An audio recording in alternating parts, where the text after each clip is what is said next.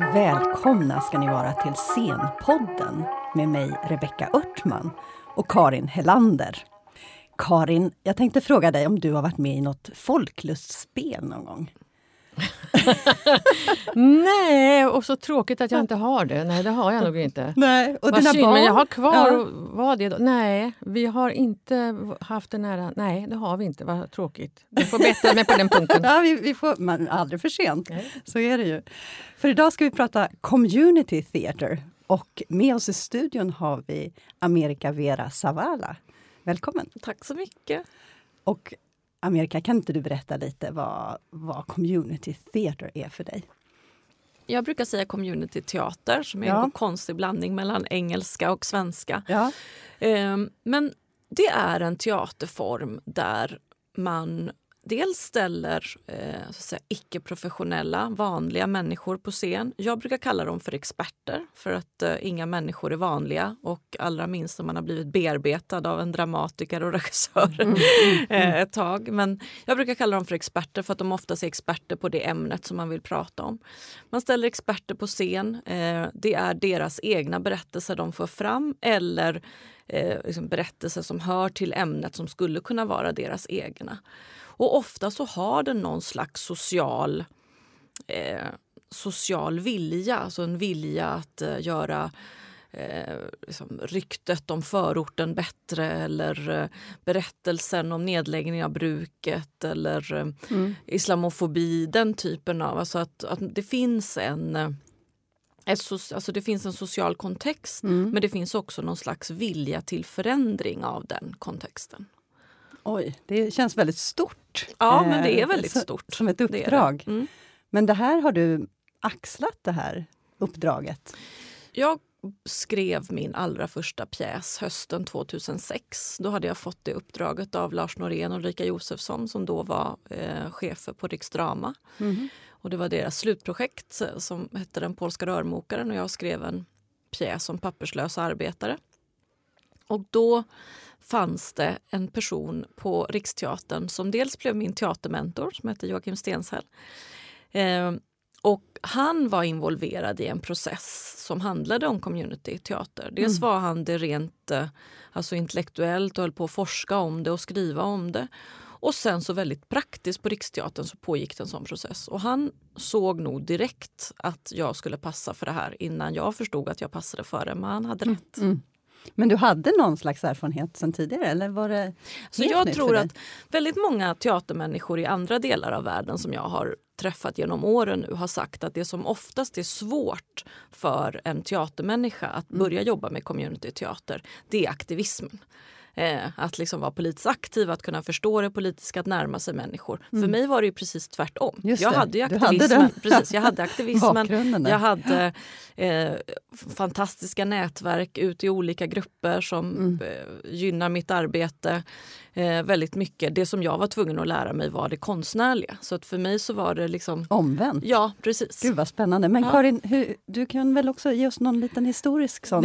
Ja, jag tänker också på det här med din bakgrund. med det är ju jätteintressant. Eh, för du har också skrivit någon bok som handlar om demokrati och deltagande och arbetade med de processerna. Och kan du inte säga någonting om hur, dels hur du arbetat med det innan du kom till teatervärlden och sen hur du tog dig in? Då? Hur kunde du få den konstnärliga legitimiteten eller utbildningen eller Mm. erfarenheten?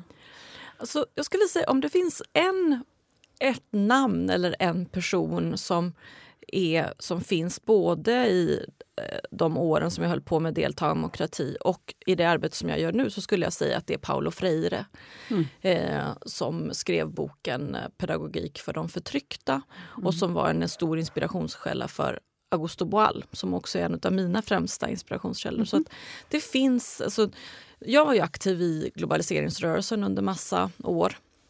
Så först jobbade jag som assistent för Vänsterpartiet i EU-parlamentet eh, 95 till 99, flyttade tillbaka till Sverige, är med och startar upp attackrörelsen, är med i hela den här globaliseringsrörelsen.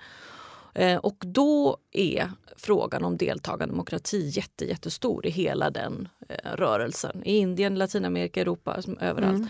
Men det finns också någonting i Brasilien, framförallt i en stad som heter Porto Alegre, som kallas för den deltagande budgeten. Där man har mm. lagt ut eh, delar av budget, den kommunala budgetprocessen på medborgarna så att de är med och bestämmer om den. Så jag skrev en bok om det som heter Deltagardemokrati som kom ut på Atlas 2003. Eh, så att jag liksom ägnade ett par år åt att studera den här kommunala budgeten men även andra exempel på deltagardemokrati. Eh, och det är väl väldigt mycket av den demokratisynen och den praktiken som jag använder mig av när jag jobbar med community teater. Mm. Att få människor med, att skapa strukturer som möjliggör ett deltagande eh, och att skapa också en tanke om en möjlig förändring. Jag tänker när du nämner Augusto Boal så mm. Tänker man väl på forumteater mycket. Men mm. det är alltså där man, man, man gestaltar någon form av konflikt eller dilemma ofta där, och publiken får sen bryta in och komma med förslag på, på lösningar eller också agera fram lösningar. Men du sysslar väl inte med forumteater, på det nej. sättet? Alltså, Augusto Boal har ju så otroligt mycket mycket i, alltså, i sitt liv. Alltså, han börjar ju med att göra fantastiska musikaler i Sao Paulo och sätta svarta på scen i ett land där det finns en stor svart befolkning men där man aldrig har sett svarta på scen. Mm. Fullkomligt banbrytande. Vad skulle en svart människa göra på en scen i Sao Paulo? Mm. Och dessutom tar han dit musiken, alltså hela bossanova-musiken som då liksom spelas i periferin sätter han på scen, vilket också är så här, vad är det här för rytmer? Trummor i mm. Brasilien på en scen. Är det 60-70-tal eller vad är ja, det nu? Precis, ja. Det är, ja, precis. 50-60-tal. Ja. Eh, så, så att han gör ju liksom någon slags identitetspolitiskt arbete som mm. är helt banbrytande i Brasilien. Sen blir han mer och mer politisk och sen ägnar han sig liksom åt någon slags politisk teater som är otroligt revolutionär och som är den här 60-talsteatern där man ska liksom berätta för människor vad de ska göra. Mm. Och där finns en sån här scen som för mig är väldigt viktig. Eh, mm. Där han, Augusto Ball har berättat att han, de har gjort en teater om revolution på landsbygden och eh, liksom jord, alltså fördelning av jord som ju fortfarande är en jätteviktig fråga i Brasilien och hela Latinamerika. Men då har de åkt ut på turné och de spelar för landlösa. Eh, och när den här pjäsen är slut så går en av eh, de här ledarna för de landlösas rörelse fram till Augusto Boal och säger så här, ja, varsågod, här, här har du ett vapen. Ja, ja, men vad ska jag med det till? Ja, du, du sa ju i din pjäs att nu ska vi ta till vapen och ta över. Liksom. Oj, ja. Och han säger så här, nej, nej, nej, men det var ju bara teater. Ja. Jo, men för oss så är ju det här vår verklighet. Så om du säger så varsågod. Och då inser Gustav Boal att han måste sluta göra sån här teater för att han, han står ju och agiterar för någonting som han själv inte folk. skulle... Ja. ja. men också att han, liksom att han står och säger någonting som han själv inte skulle kunna tänka sig att göra. Eh, och han måste göra annan sorts teater och det är då han börjar med hela den här liksom mer deltagande processen. Och där finns det ju så många olika. Det finns ja, men, eh, juridikteater som han gör mot slutet av sitt liv. Det finns forumteater, det finns eh, eh, den här eh, gömd teater, eller hemlig teater. Gömd teater. Jag osynliga, va? Osynlig teater heter det på svenska. Mm, ja. Jag pratar ju portugisiska och spanska så att jag brukar oftast läsa ja. honom vad, på vad är det för teater? Eh, språk. Osynlig teater är att man... Eh, alltså ett sånt exempel som, som jag tycker väldigt mycket om är... Eh, och det här är, det här är då 60-tal, 70-tals eh, teatern. Han eh, i, en, eh, i ett litet liten, i ett litet område i Peru, eh, där man, alltså i gruvnäringen, så går en man in på en restaurang där alla arbetare sitter och äter eh, frijoles, eh, svarta bönor och eh, vad heter det, svarta bönor och stekt ägg.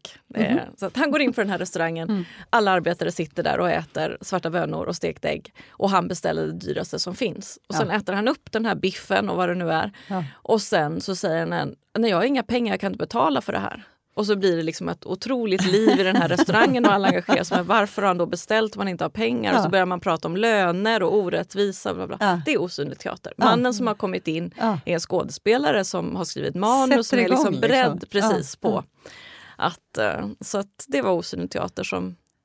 Men du har träffat Boal eller? Jag träffade honom en gång. Eh, det var faktiskt bara några månader innan han dog. Så jag är väldigt glad att jag fick känna den här energin. Oftast tycker jag i Sverige, så är det, sen jag började jobba med teater, så är det så ofta som jag får frågan så här, men tror du verkligen att teater kan liksom förändra någonting? Och tror du verkligen att... Mm. Och för Boali, liksom, det var så självklart ja. att uh, teater kan förändra hur mycket som, eh, som helst. Det var så härligt att få känna den energin. Eh. Varför finns det inget svenskt ord för communityteater, tror du? Jag tror helt enkelt att det handlar om att det engelska ordet är så bra. Alltså community är ju både en grupp mm. och en slags rörelse. Eh, alltså community eh, implicerar, liksom, det finns i ordet både och. I Sverige så blir det sådär, men deltagande teater låter ganska tråkigt. Mm. Platsteater kallar en del för men ibland så handlar det inte bara om platsen. Nu har jag ju precis jobbat med islamofobi, det handlar inte om en plats. Mm. Ibland mm. handlar det om plats, andra inte. Eh, platsspecifikt deltagande. Alltså det finns mm. inte riktigt något ord där det både finns det här liksom att det är en grupp människor och en slags rörelse mm. framåt. Så jag mm. tror det handlar om eh, hur drar du gränserna? Jag tänker, det finns, man kan tänka, ja, är det en slags amatörteater? Är det en slags dramapedagogik?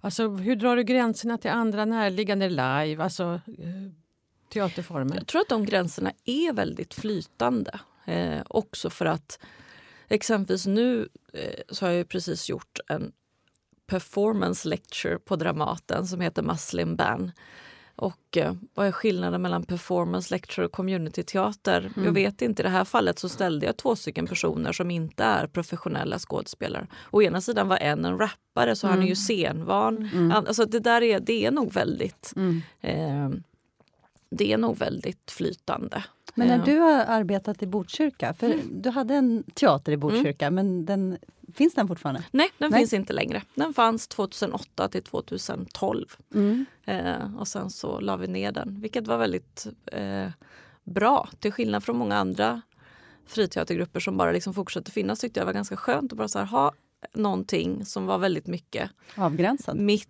Mm. Och ja, avgränsat en tid men också att det fanns liksom verkligen en viss karaktär på allting som vi gjorde. Mm. Och sen därefter säga så nej, men nu gör vi det här någon annanstans eller flyttar vidare. Hur, hur eh, arbetade du på den teatern? Jag var konstnärlig ledare där. Eh, så att under de åren så skrev jag som dramatiker.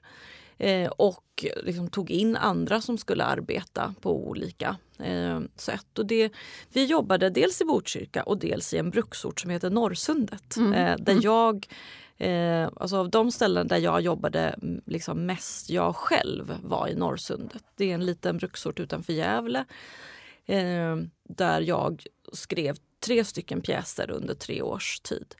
I Botkyrka så jobbade vi med vi gjorde Dans i lägenhet. Som jag jobbar ofta med en koreograf som heter Paloma Madrid som är eh, utbildad koreograf men också väldigt intresserad av den här typen av, av arbete och frågor. Hon gjorde en, um, en föreställning som heter Dans i lägenhet, som man, alltså en dansföreställning som man kan låna hem mm. till sitt hem. Mm. Eh, I vilket hem som helst? Alltså en, I vilket hem som helst. Ja. ja. Men vi gjorde den i Alby. Eh, så att vi repade på biblioteket i Alby och det var bara om man bodde i Alby. Nu har Paloma gjort den på flera andra ställen men då första gången så var det man var tvungen att bo i Alby för att låna hem den. Eh, vilket var väldigt, väldigt roligt för att den morgonen när vi hade premiär så hade Svenska Dagbladet ett fantastiskt stort reportage om dans i lägenhet.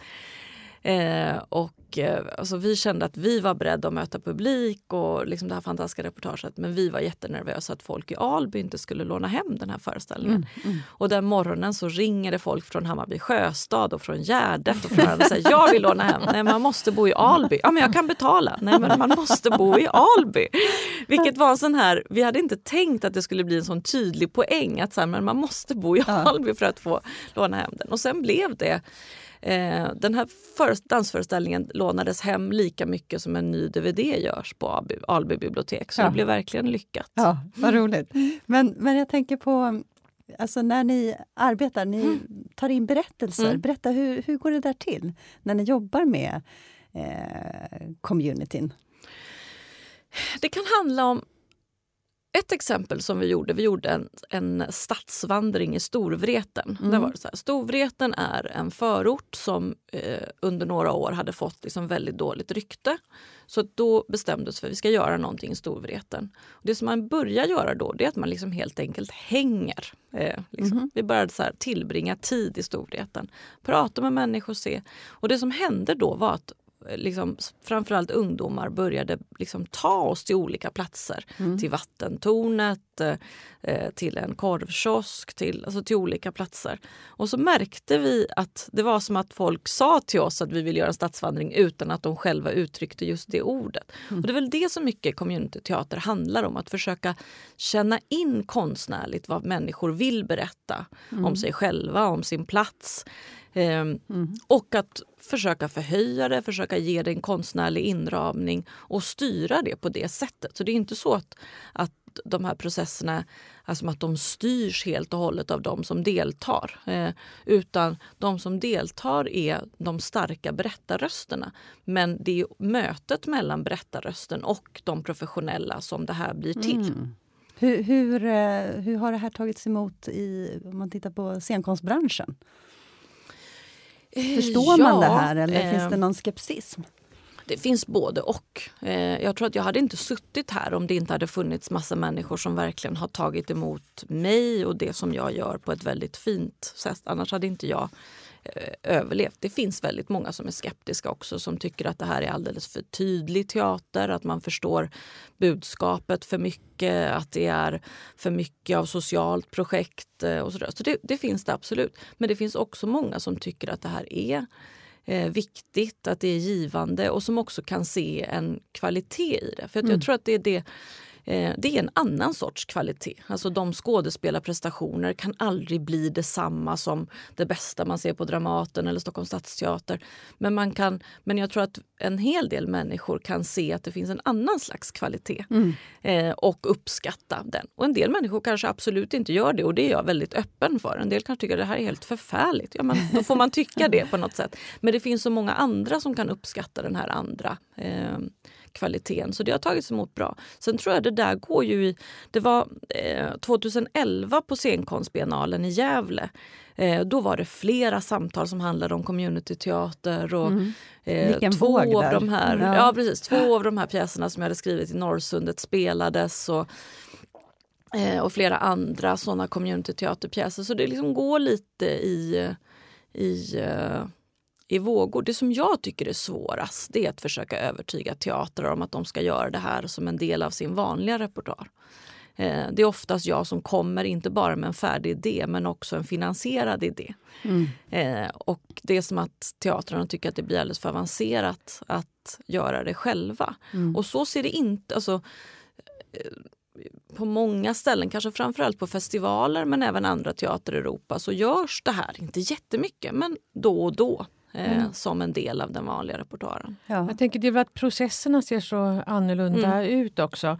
Eh, jag kom i kontakt med communityteater för första gången just via Joakim Stensell mm. då, som var dramaturg och också doktorand i teatervetenskap och som mm. gick bort alldeles för tidigt. Men eh, vi gav ut en bok eh, om Joakims projekt som heter På jakt efter den dialogiska estetiken. Där flera också skrev olika bidrag, bland annat Amerika. Mm. Och där du beskriver processen med arbetet i Norrsundet. Mm. Och då man också förstår vilken otrolig som berg och dalbaneresa det också ett sånt projekt är. Kan du inte eh, berätta lite om det så att man får eh, känslan av hur alltså vad komplicerat och eh, intrikat och många saker man måste balansera emellan som mm. det känns när man, när man läser din mm. essä.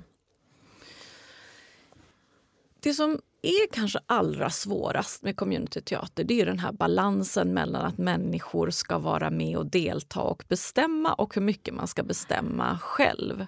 I Norrsundet var det en sån process att jag kom dit två veckor efter att man hade bestämt att bruket skulle läggas ner.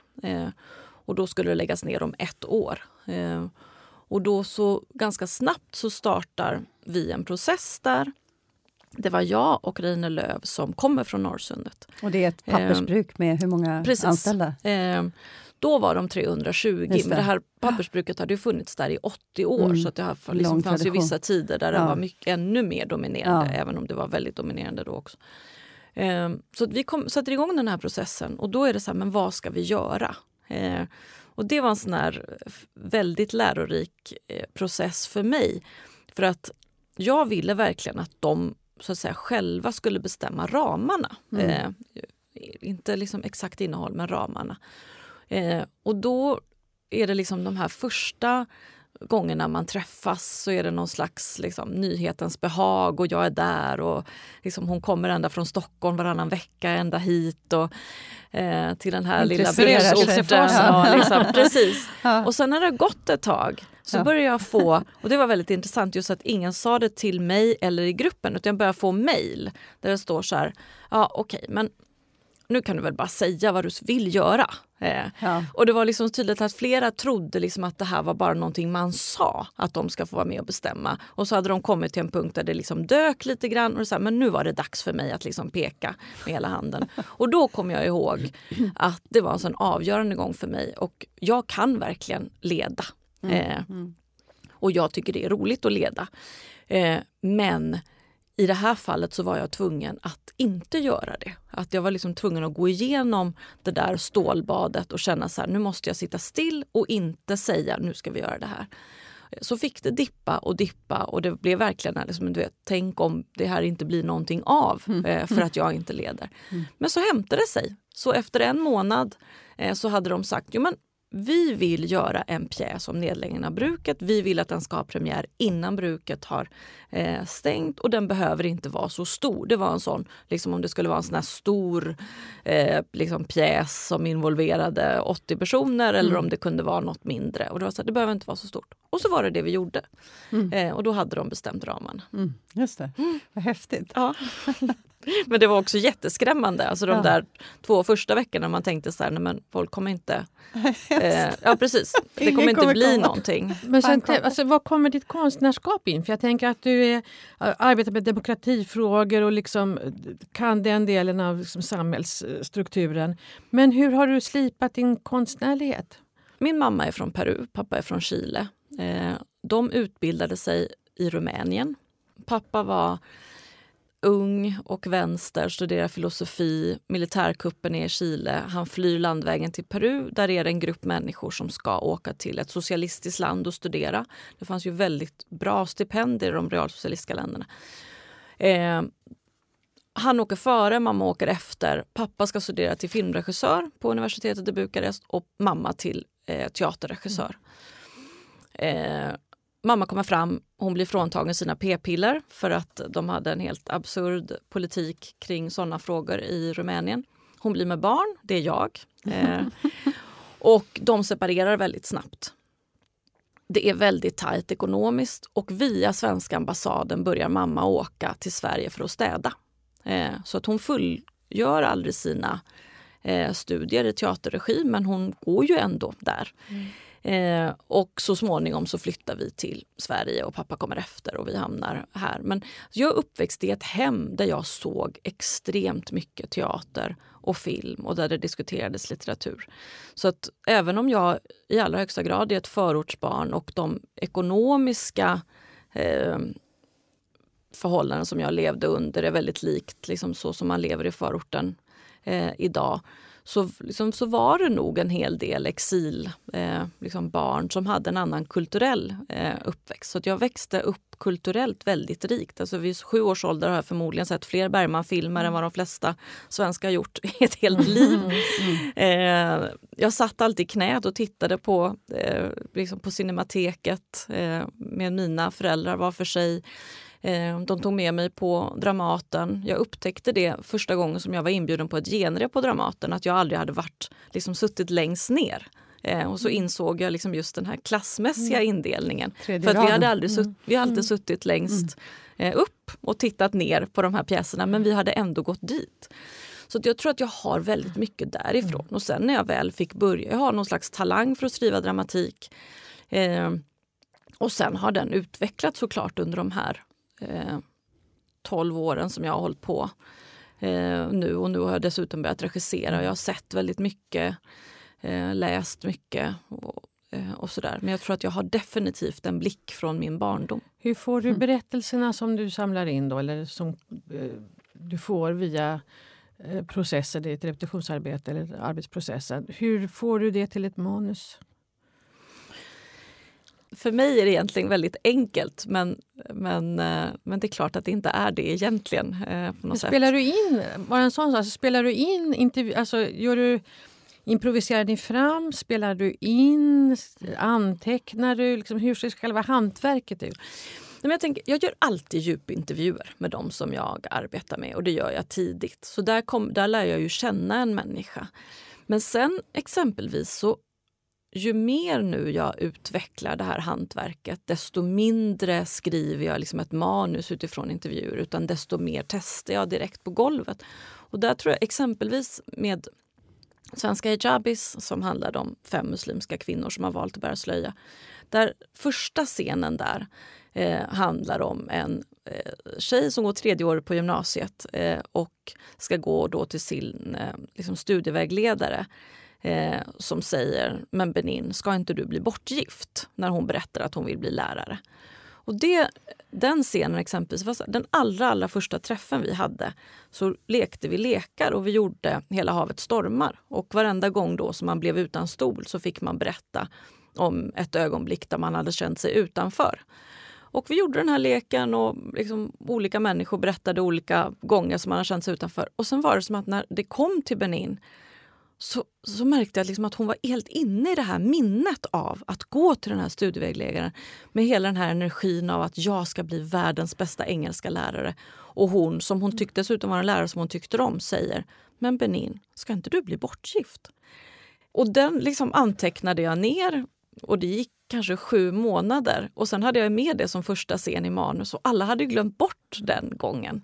Så där tror jag att jag liksom har, jag förfinar ju ett, ett hantverk eh, med, med erfarenhet. Där det kan bli liksom att man gör en lek och sen ser jag någonting som har, kan vara ett konstnärligt värde men som man kanske har glömt bort för det var liksom bara en rolig lek på något sätt. Mm. Jag tänker också på andra konstnärer som Mattias Andersson till exempel, eller Lars Norén med 7-3. Det finns ju några som har eh, också arbetat just med intervjuer. Skulle man säga att det också är community-baserat? Så, eh, Definierar han det själv så, till exempel Mattias Andersson? Det skulle jag inte tro. Nej, Jag tänker, där arbetar han ju med sociolog Mm. ofta. ja precis. Mattias som gör det. intervjuer och som får Mm. ge ett material som man sen använder sig av. Men det är ju sen i- omhändertas ju det av en professionell ensemble, Mm, oftast väl. Mm. just det. Men om man tänker på Lars Norén då, han var ju inne i fängelse och ställde fångarna på scenen Ja. väldigt tidigt. Eh, Alltså, jag bara alltså för mig så, jag bodde ju inte i Sverige eh, de åren så att jag missade ju lite den debatten och jag såg inte 7-3 men eh, lite sådär efteråt så Ganska känns det ju som ett lovvärt haveri på något Ja. sätt. så det är svårt liksom Ja. att förhålla sig till bara processen i det fallet utan eh, liksom otroligt tragisk konsekvens men också när man läser om det så verkar det ju ha varit kanske lite för många manliga genier inblandade i en och samma Ja, soppa. ja. Så att, Ja, nej, det, det känns svårt att ta den Ja. jag, parallellen. Eh, faktiskt. Nej, men man måste slänga ut. Ja, man måste slänga ut. Och det finns ju likheter såklart. Alltså, det finns det ju absolut.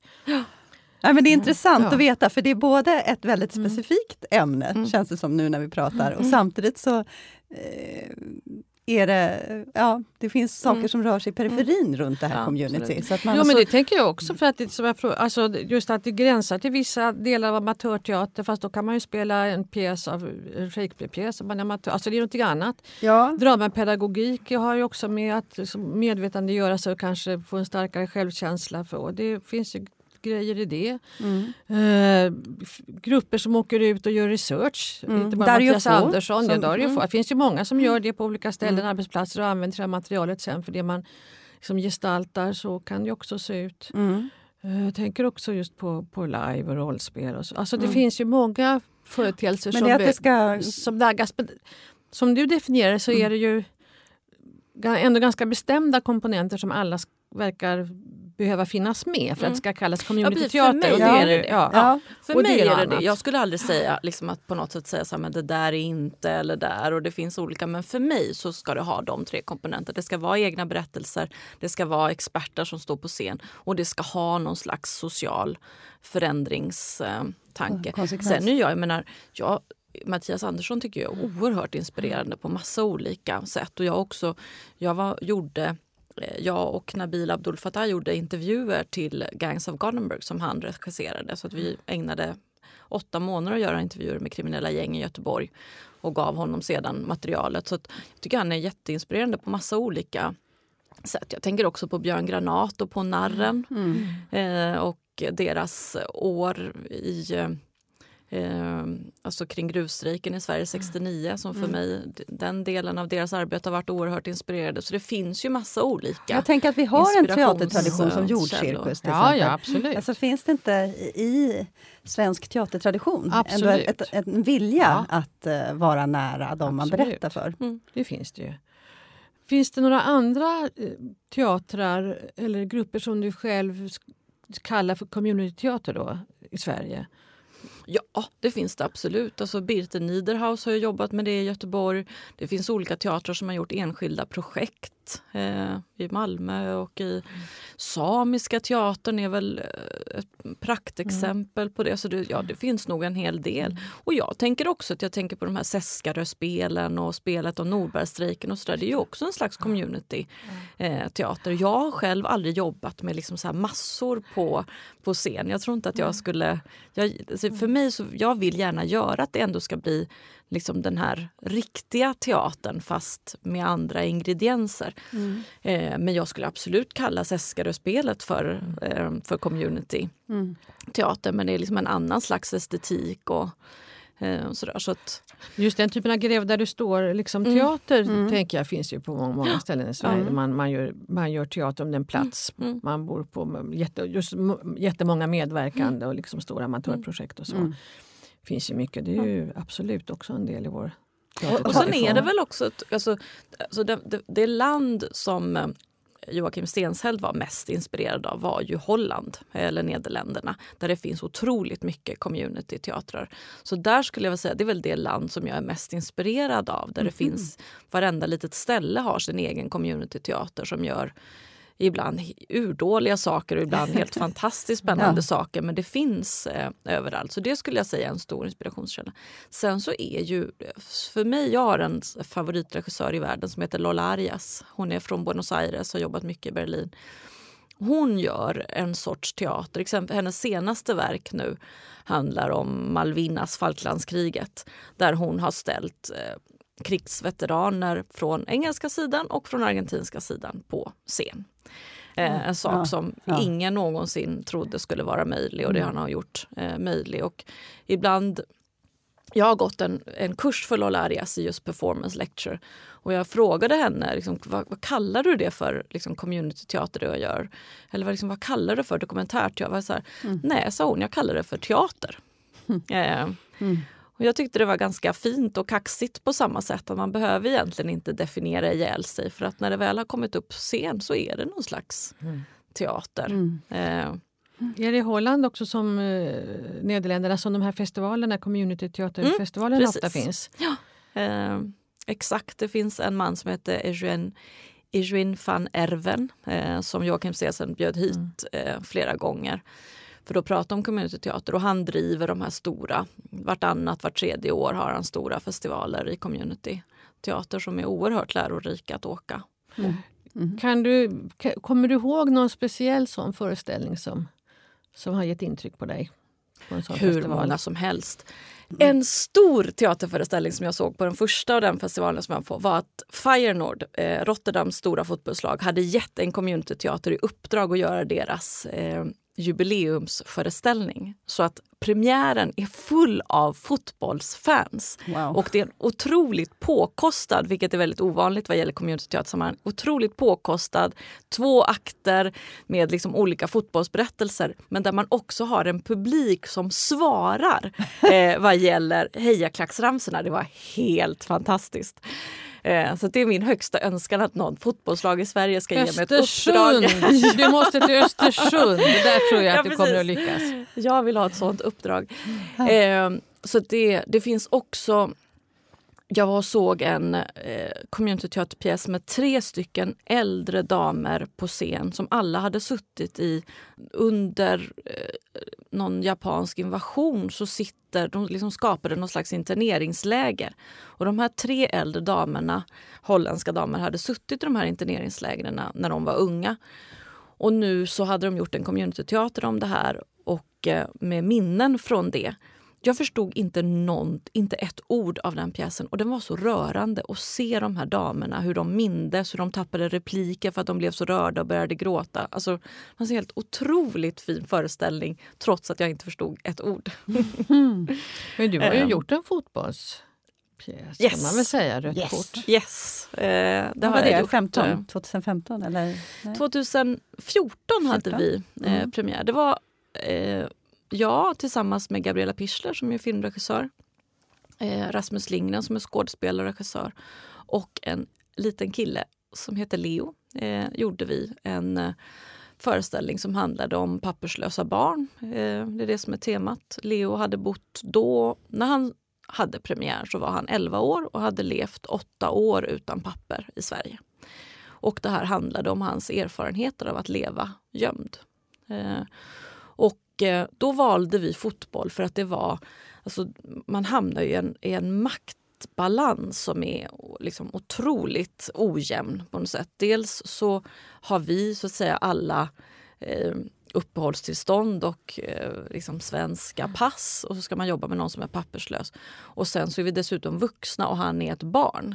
Så det var ju liksom, hur ska man balansera upp lite grann i alla fall den här? Jo men vi hittar ett ämne som på riktigt är någonting som sammanför oss och det var fotboll. Alla vi fyra älskar fotboll på riktigt. Eh, Leo och Rasmus spelade fotboll, jag och Gabriella tittade mycket fotboll. Och där också Leo ibland kunde klå oss i kunskap om liksom namn på vissa spelare och sådär. Så det var, eh, ja men det var liksom en, i alla fall skapa en arena eh, där maktbalansen blev lite mer jämlik i vissa eh, stunder, blev fotbollen. Och sen är det ju ett fantastiskt eh, Alltså ett fantastiskt tema med liksom fotbollsdomaren och rött kort. Och så vi liksom lekte mycket med, med Och fotbolls... drömmar och fantasier Mm. också. Mm. Ja, precis. Exakt. Så, att, eh, så alla de sakerna. Så det blev en väldigt fin föreställning som vi gjorde tillsammans.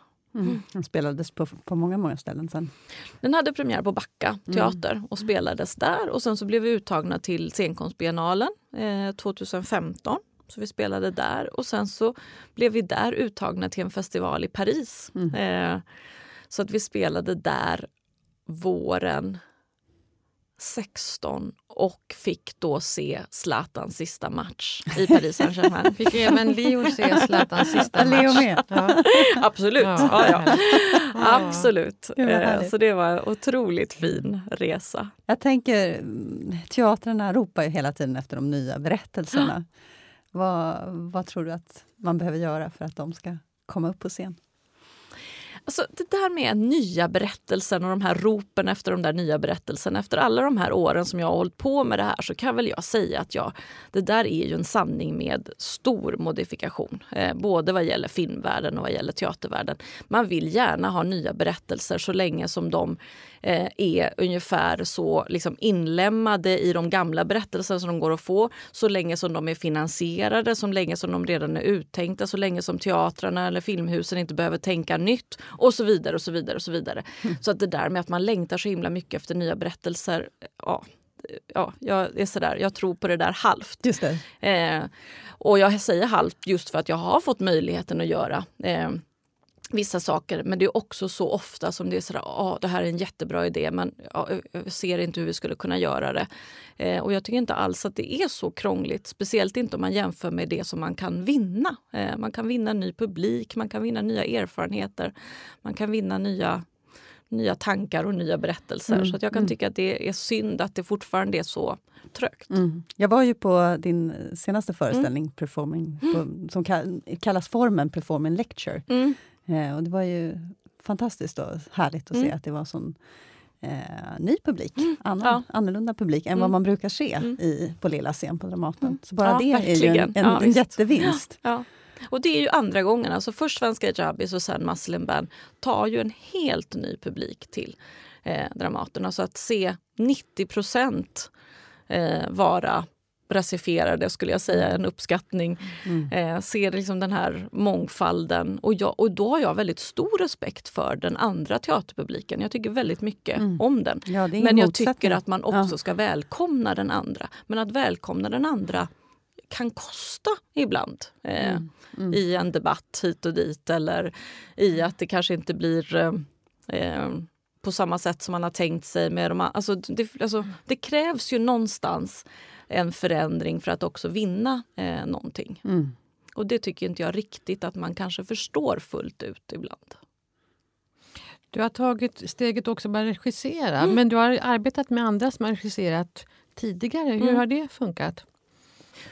Jag måste säga att jag är uppväxt med eh, historien och myten om det manliga geniet helt och hållet. Eh, jag har suttit i mina föräldrars knän och tittat på Bergman-filmer och Kubrick-filmer. Eh, och jag läste tidigt om Sven Nykvist. Det var män och de var genier. Och jag har nog alltid tänkt att så där bra kan jag ju aldrig bli för jag är ju bara kvinna som dessutom är ganska praktiskt organiserad och politiskt och liksom sådär. Så att när jag skulle regissera själv första gången med Svenska Jabbis, alltså jag, jag hade liksom gjort mig någon... Alltså jag låg på nätten och tänkte det här kommer jag aldrig klara. Det här kommer jag aldrig... Och jag vet inte riktigt vad jag trodde hände inne i det där rummet. Mm. Men jag hade gjort mig någon bild i alla fall att det var ingenting jag skulle klara av. Och sen går jag in i det där rummet eh, och inser att för mig att vara regissör är att leda och organisera ett arbete. Och jag tycker det är väldigt kul att leda och organisera arbeten. Eh, och det var någonting som jag lärde mig i min politiska eh, tid. Sen det är klart att jag måste ha en konstnärlig blick och konstnärliga idéer. Men jag kan ju ha hur bra idéer som helst. Men om jag inte får människorna Mm. att liksom ha engagemang och entusiasm för det de ska göra så, alltså, så spelar inte det så stor roll. Så att jag måste säga att jag tyckte att det var mycket lättare att regissera än vad jag trodde att det Precis, för skulle det var vara. min följdfråga när jag hör- dig också. Tänker jag att du är liksom väldigt stark och har tänker jag, en liksom, vision som du verkligen liksom, är besjälad och engagerad i. Så. Besjälad av och engagerad i. Men eh, hur har det då gått att samarbeta med regissörer kring det material som du själv har arbetat fram? Då? Eller jobbar Fast man, där tror Ja. jag att det är något annat. För där, jag tycker om som dramatiker att lämna över. Eh, jag vill helst inte veta så mycket av det som de gör och jag uppskattar verkligen att komma och liksom se eh, vad det är som har hänt och vad det är som har gjorts. Så att jag inte alls, alltså, jag, jag har inte någon sån här att jag måste lägga mig i eller kolla exakt Men de har inte varit med i själva arbetsprocessen då, utan de har Nej. kommit in på ett senare stadium. Ja, nej, alltså när, när jag har skrivit dramatik då har jag lämnat Mm. över till regissören och sen har de gjort sitt arbete och sen har jag fått komma och kolla. Sen ibland har jag liksom fått kanske hålla någon, alltså, någon workshop i temat eftersom mina pjäser alltid är politiska och sådär. Men jag har aldrig varit på det sättet liksom att jag ska lägga mig i regin eller tycka till om olika saker. Jag har inte alls något behov av det. Jag tycker att det är väldigt eh, häftigt det här mötet som kan uppstå mellan en text skriven av en dramatiker och en regissör. Liksom att det är två eh, viljor. Alltså, egentligen måste jag säga att hela det här, alltså teater är ju på många sätt ett kollektivt arbete. Sen så utnyttjas det inte alltid på det sättet. Jag tycker om det här kollektiva, att när jag är klar så börjar någonting annat. Eh, som ju inte är när man skriver romaner eller något sånt där. Så att jag tycker om att lämna över och att något annat händer med min text än kanske det som jag hade tänkt mig. Mm. Hur kommer dansen in? Det, jag tycker väldigt mycket om dans. Jag började dansa ballett när jag var fem år och dansade jättemycket som, som liten. Först när jag bodde i Fisksätra och sen när vi eh, flyttade till eh, Mark eh, i Västergötland. Jag har dansat själv, jag tycker väldigt mycket om dans. Eh, och för mig så är dans ett språk eh, som jag inte kan klara mig utan på något sätt. Så därför så vill jag alltid gärna ha med det. Mm. Och hur ser samarbetet ut då med Paloma? Du har jobbat med fler kanske? Koreografer eller hur? Ja, har jag det? Börjar jag att, alltså, grejen är att jag har ju inte regisserat speciellt Nej. många gånger. Alltså, Rött kort var ett, ett liksom kollektivt arbete. Eh, och sen så har, är det Svenska Jabbies och Muslim Band. Så jag är väldigt mycket i början av någon slags eh, regierfarenhet och hoppas verkligen att jag får fortsätta. Så att, Eh, med Paloma har jag samarbetat på det sättet att jag tog in henne i Botkyrka communityteater och dans och lät henne så att säga, göra eh, saker. Så det var liksom ett helt självständigt arbete. Och nu så har hon varit med mm. som koreograf i de saker som jag har gjort. Och där handlar det om att hon och jag pratar om mm. ja, men, var ska det finnas och jag får med hennes blick. och eh, I Muslim Band så gjorde hon liksom en, en egen rörelsedel eh, där. Så att hon, liksom, hon var inte med i helheten. I Svenska Jabbies var hon nog med en hel del i helheten med den blick som en koreograf kan ha. Eh, och sådär. Så att det är nog... Paloma Madrid. Mm, Paloma Madrid. Tack Amerika Vera Zavala för att du kom Tack. hit till oss och pratade om community-teater. Mm. Och oss hör du igen om ett par veckor, då med en ny spännande gäst här i studion. Varmt välkomna tillbaka!